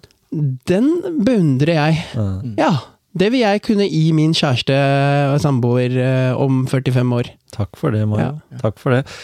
Vi kommer ikke utenom her mot slutten, og når vi er innenfor det, i det politiske bildet øh, For de som følger Mayo på sosiale medier, så vet de i hvert fall at han er veldig engasjert i det som skjer nedover i øh, Europa og nedover i Midtøsten. Eh, politikere i Norge i dag er veldig forsiktige og litt sånn eh, hva skal si eh, Litt utydelig hvilken side man skal stå på. Er, hva, hva tenker du om det, Bård? Uff, dette er jo virkelig et av de skikkelig vanskelige spørsmålene. Er det ikke det? Jo, det er kjempevanskelig. Og så er det litt sånn eh, Det er klart, med de forferdelige bildene man ser fra, fra Palestina nå, det er klart det gjør vanvittig inntrykk. Eh, og barn som ikke får mat. Eh, sykdommer som vi Altså mange har sikkert blitt syke allerede, og ikke minst selvfølgelig av skader og bomber og alt, ikke sant? Så det er jo ikke tvil om at dette gjør sterke inntrykk. Eh, og så er dette her en veldig sånn vanskelig balansegang. Også litt med bakgrunn i det som skjedde 7. oktober, ikke sant? Som, som gjør at dette er Ja, det, det, det, gjør det vanskelig for oss politikere, i Norge i hvert fall Ja. hvordan vi skal håndtere det. For på den ene sida så er vi veldig tydelige på at det som skjer nå, er jo helt, er helt grusomt. Vi heier jo ikke på krig. Det gjør vi definitivt vi, vi har ikke. stått i den Eh, situasjonen sjøl så er- selv Og så er jo dilemmaet her at disse to øh, ikke? Hamas er det Hamas er. Eh, og så er Israel er et land eh, og så er det en historie her, og jeg skal være veldig forsiktig med å gå inn. Liksom, Ja, ja, for, ikke her, det, Dette er jo sånn som det fort blir himmel, og, og her er historien er, Du skal være veldig på, på fakta her, så jeg skal liksom være veldig forsiktig så ikke jeg liksom tråkker uti der. Og jeg, men jeg syns det er vanskelig. Og så er jeg, jeg er jo medlem av, av Israels venner på Stortinget, men det betyr ikke at ikke jeg også jeg, Og jeg var veldig mange år før jeg blei med, fordi jeg ønska egentlig ikke være medlemmer i noen av disse, fordi jeg ønsker å kunne si det jeg mener. Ehm, og, og også kunne kritisere Israel. Ja. Eh, men, men, men ikke sant det, det, det er dette som er vanskelig, fordi her er liksom sånn enten så blir man sett på at man er på den ene eller andre sida. Ja. Og så mener jeg at man ser begge deler her, og jeg mener at dette med humanitær bistand må vi nødt til å, å stå på på. Vi er nødt til å stå på for å finne løsninger her. Ja.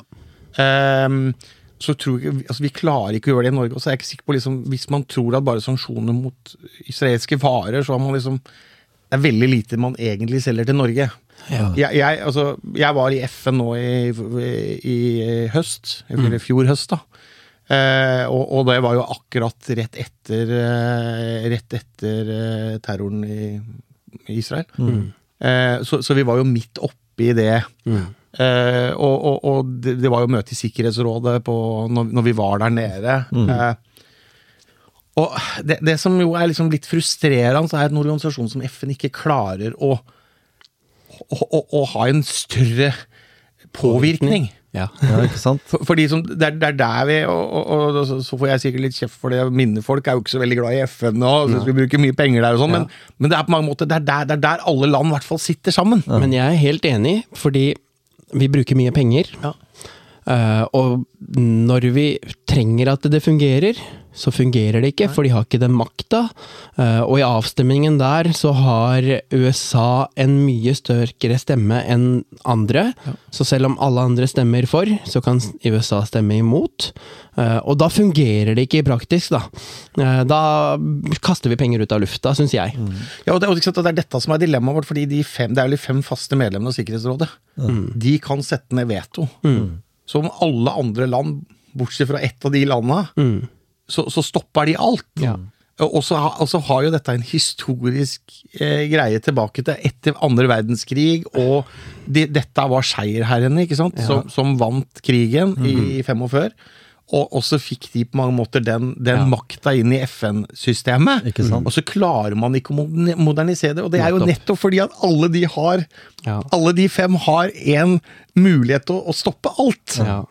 Og det- på, tross av liksom, hvis, hvis 100 er ikke 196 land, tror jeg, så, så 195 kan være enig. Ja. Men det ene, det stopper alt. Ja, ikke sant? Og den, det ene, eller de fem, da, kan, mener jeg, stoppe det som foregår nå. Hvis de virkelig vil.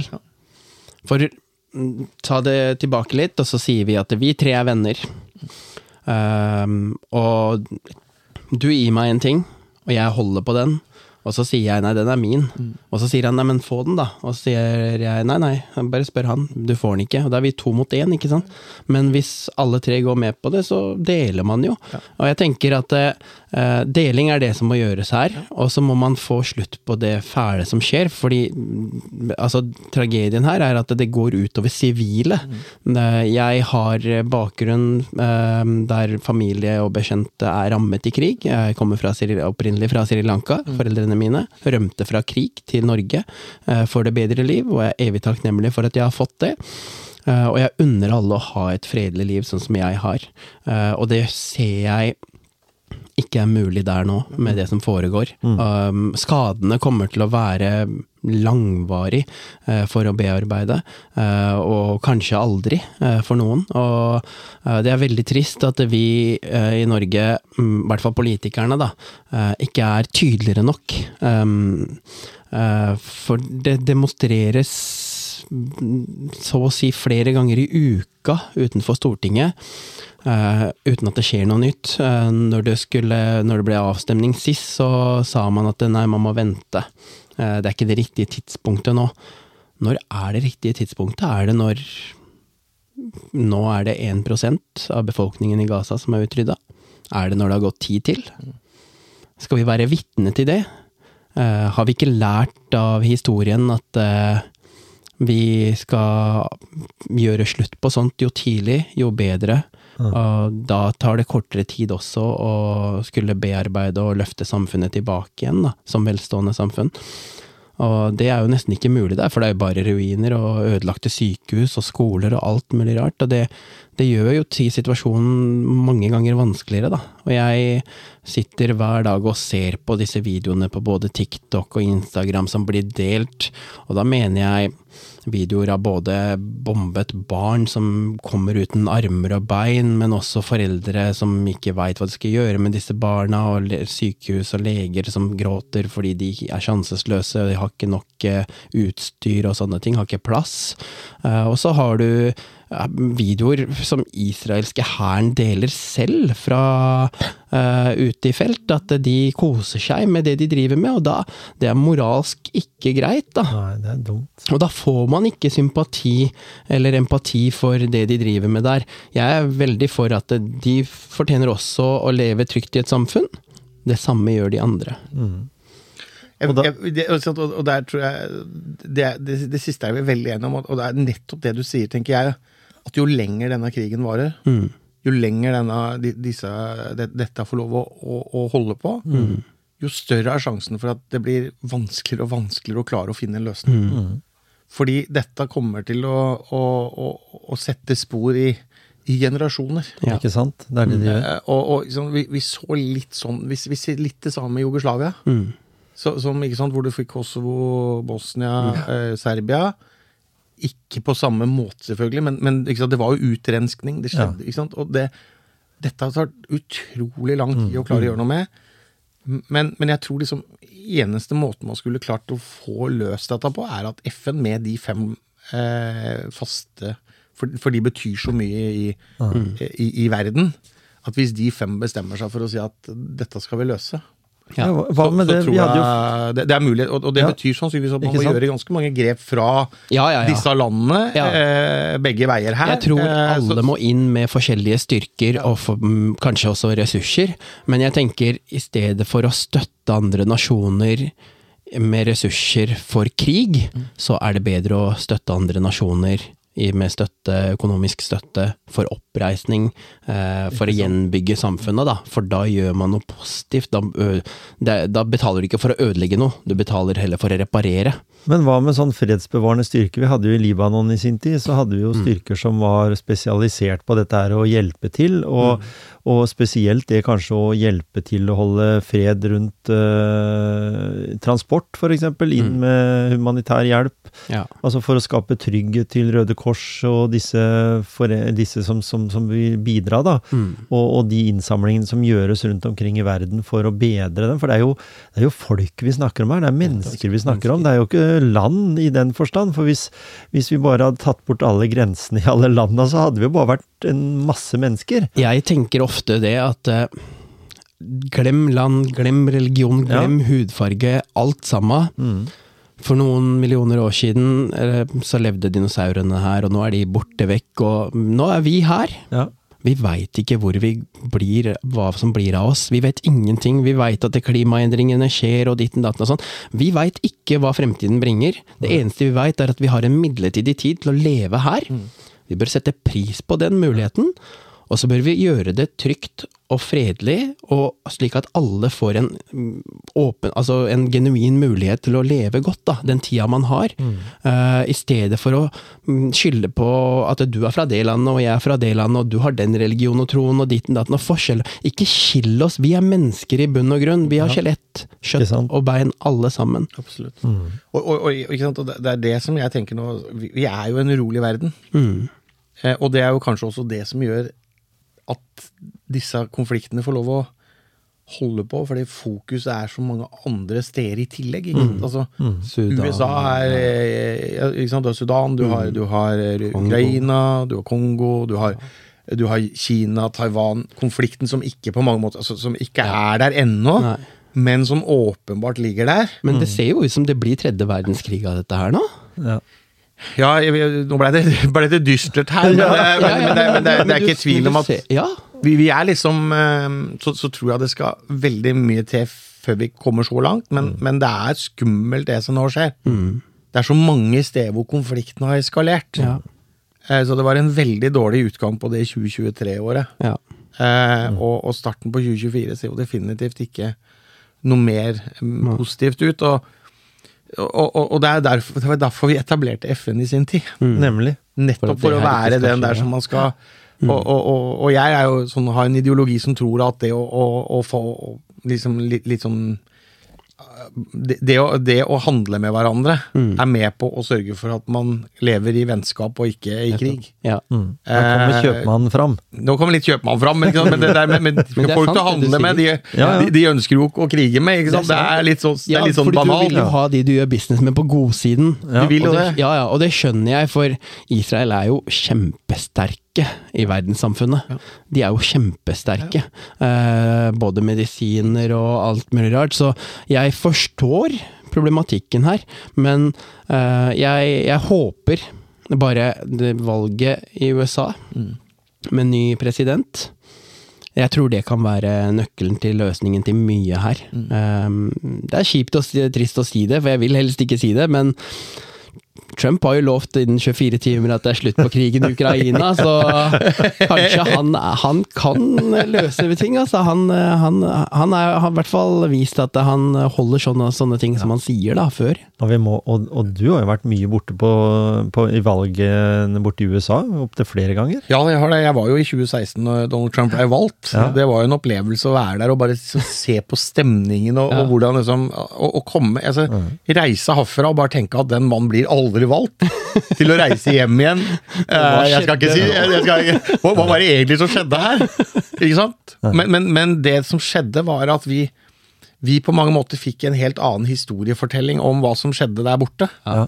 Enn det, en sånn USA fungerer. Og, og det å møte demokrater som liksom bare sa at ja, men jeg stemmer ikke på Hillary Clinton. Hun er, hun er en sånn uh, høyt der oppe, politisk eh, establishment eh, Altså sånn, dette er ikke vår, hun, er, hun er ikke en demokratisk Nei. politiker. Det var en liksom sånn wow, er det sånn mange demokrater Det var derfor mange av de ikke, ikke stemte, ikke sant? Ja. eh, til å høre om Donald Trump og, og, og se liksom hvordan tak han hadde på folk. Ja. Litt, litt sånn eh, overraskende. Altså, og så er det klart at det som skjedde Ja, så, Ja, ja. så, så skjedde dette, så skjedde kongressstorminga, Ja, ja. og at han nå bruker Altså I helga hadde han brukt det igjen. Altså, så er det som sagt, men det vi, ikke, det vi ikke tenker på, er jo det som er viktig å ha med seg, at i, i USA så er det CNN og Fox News er de to på hver sin side, men de dekker bare 20% av befolkningen. Ja. Og er du republikaner, så leser du republikanske medier. Er du demokrat, så leser du demokratiske medier. I Norge så har vi både NRK og TV 2, pluss at noen av de store riksavisene dekker ganske store deler av befolkningen. Og så har vi Vi har 5,5 millioner mennesker. Det er ingenting.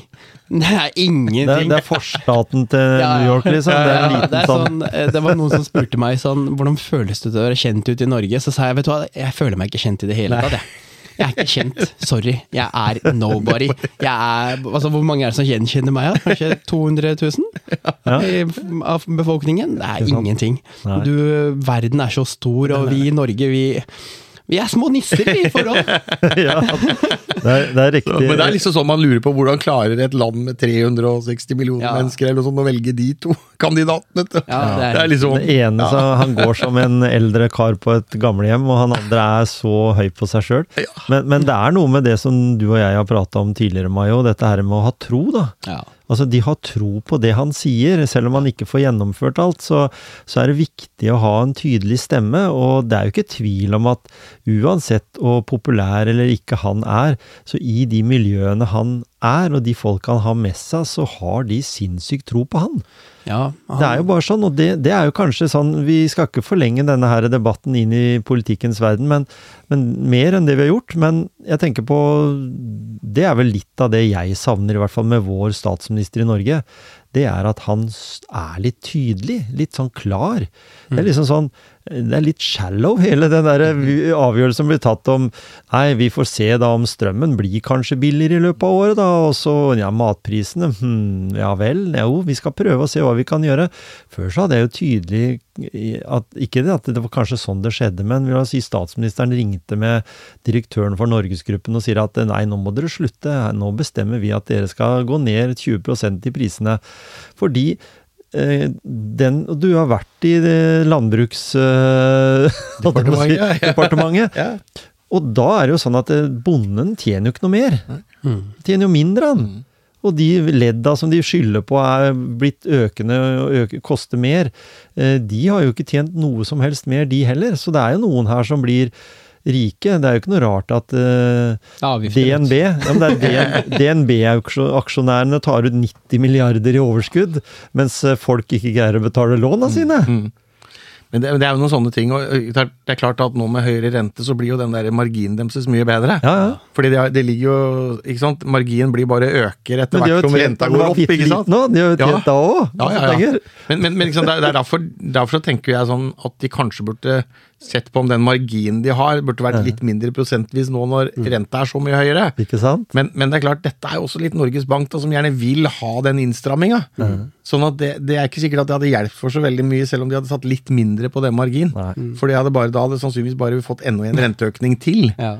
Så, så liksom, det, det, er jo dette som er så vanskelig. Selv om jeg, det er jo kjempefrustrerende å se nå. Jeg tror, de har, jeg tror de har dratt det for mye. Ja. Jeg tror vi kommer til å oppleve mange bedrifter nå som kommer til å slite det neste halvåret. Mm. Eh, og når vi kommer i februar, når ennå du får den ekstra renteøkninga på toppen, og det mm. bekymrer meg veldig, for det Jeg er jo fra, jeg er jo fra Stovner, ja, ja. Um, og der er folk redd for at de kanskje må selge husene ja. sine. At de kanskje ikke har råd til å forsørge barna med tre måltider om dagen, og sånne ting, da. Um, og da, da, begynner jo samfunnet å gå en feil vei. Uh, utviklingen, mener jeg, uh, til samfunnet å gå en feil vei, og det er kjempefarlig.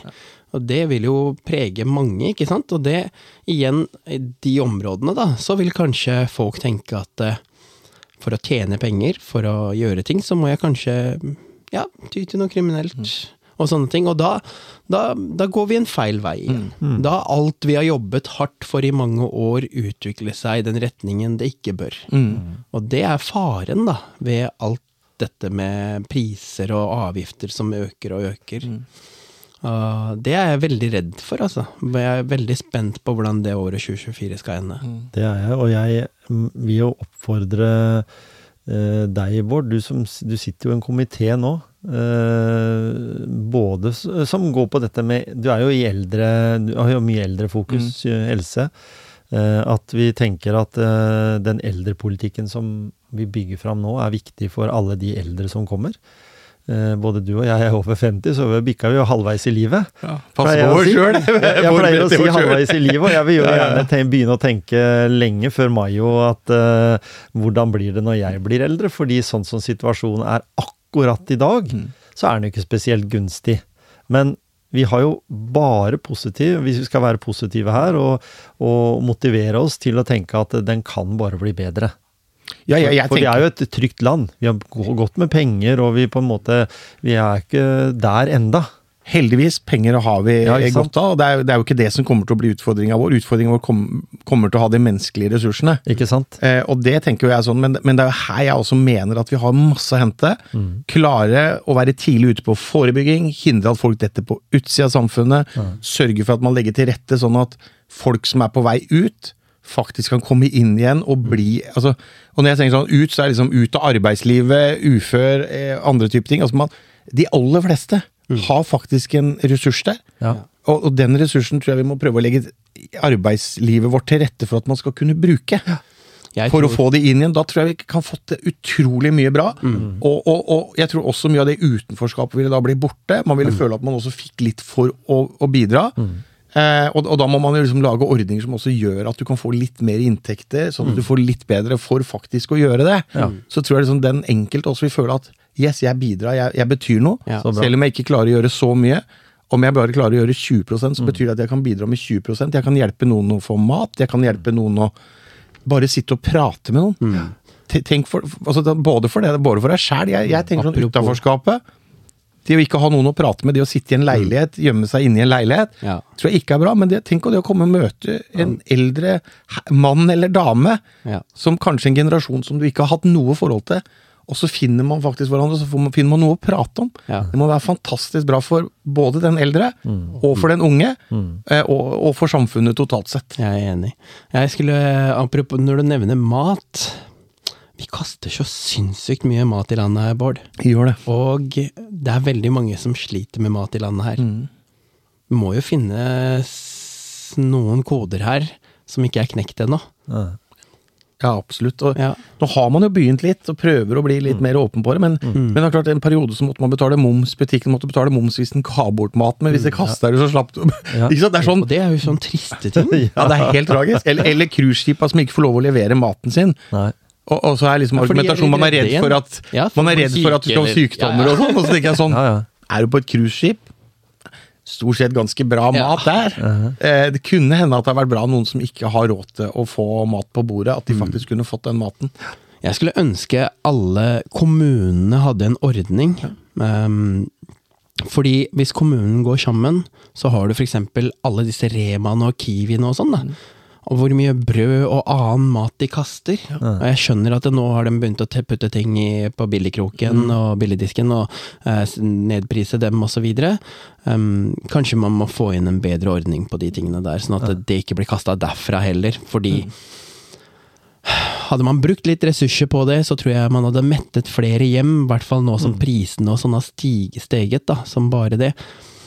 Har- Man kunne funnet løsninger her, vet du. Og det vi vil ha, er lykkelige borgere, ikke sant? Absolutt. Ja. Og frivilligheten i Norge er fantastisk. Den, de Veldig jobber mange veldig. står på for Tross alt. Mm. det er et lite land, men det er vi- veldig mange som gjør det. Og de kunne jo fått tilgang på disse råvarene, for de er ikke ute etter å drive kommersiell vinning. Nei. For jeg hørte nemlig det, og det var faktisk av ordføreren eh, som sitter nå i Skien, på en Mm. tidligere podkast, det er at det er noen som spekulerer å reise rundt på disse stedene og henter mat, som de igjen eh, selger til eh, butikker, da. Ja. Eh, eller restauranter eh, som vil kjøpe billig mat. Så det blir jo litt feil. ja, da er det noen Så- som inne på det, ikke sant? Ikke sant? Det er der, men her har vi da bare noe som de fant opp for lenge siden.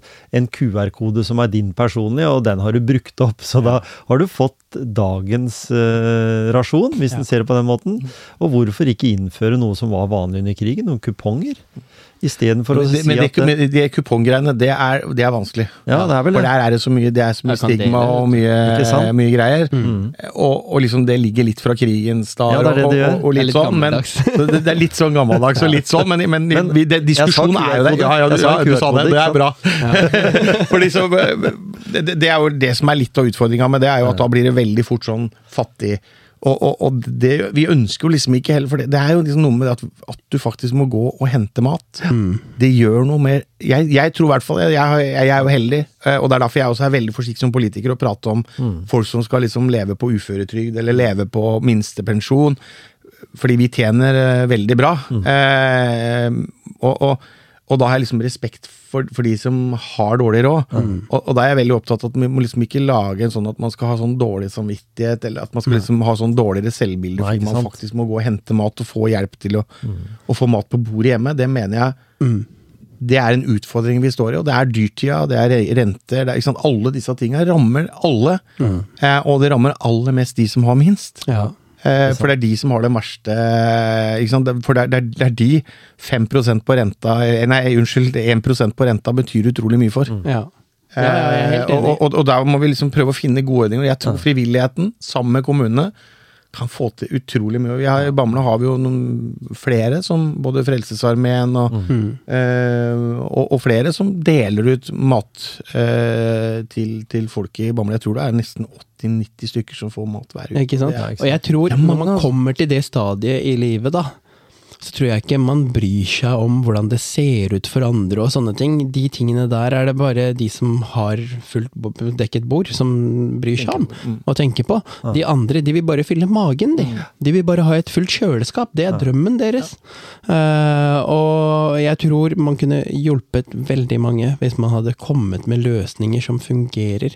Og jeg tror man heller ikke skal være redd for å prøve forskjellige løsninger, for å, eh, for uten å forske eh, på på hva som funker, så finner man ikke løsninger heller. Man, man kan skrive ting, og det ser bra ut på papiret, men prøver man det ikke i praksis, så vet man ikke hvordan det funker. Ja, ikke sant? Mm. Og da kan jo jeg si Runar som har startet det som het Omvendt julenisse, han syntes jo det var veldig trist, for de som hadde vært med å hjelpe til å samle inn tidligere, de sto nå i matkøen.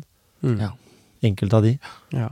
Det syns han det, det sårte han ganske mye, det. da, At det var veldig At han så de ansiktene sto der.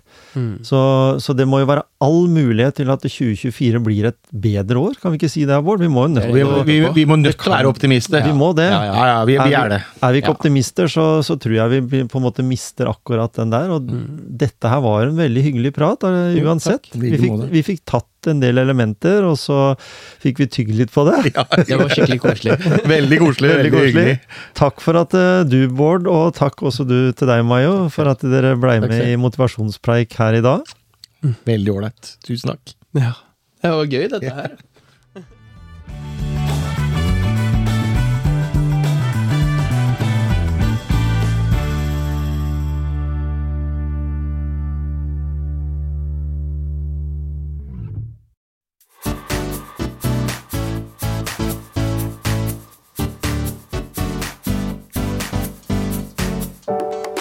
Sponsorene til denne episoden er også coolbox.no, og i tillegg Pure Norway Water.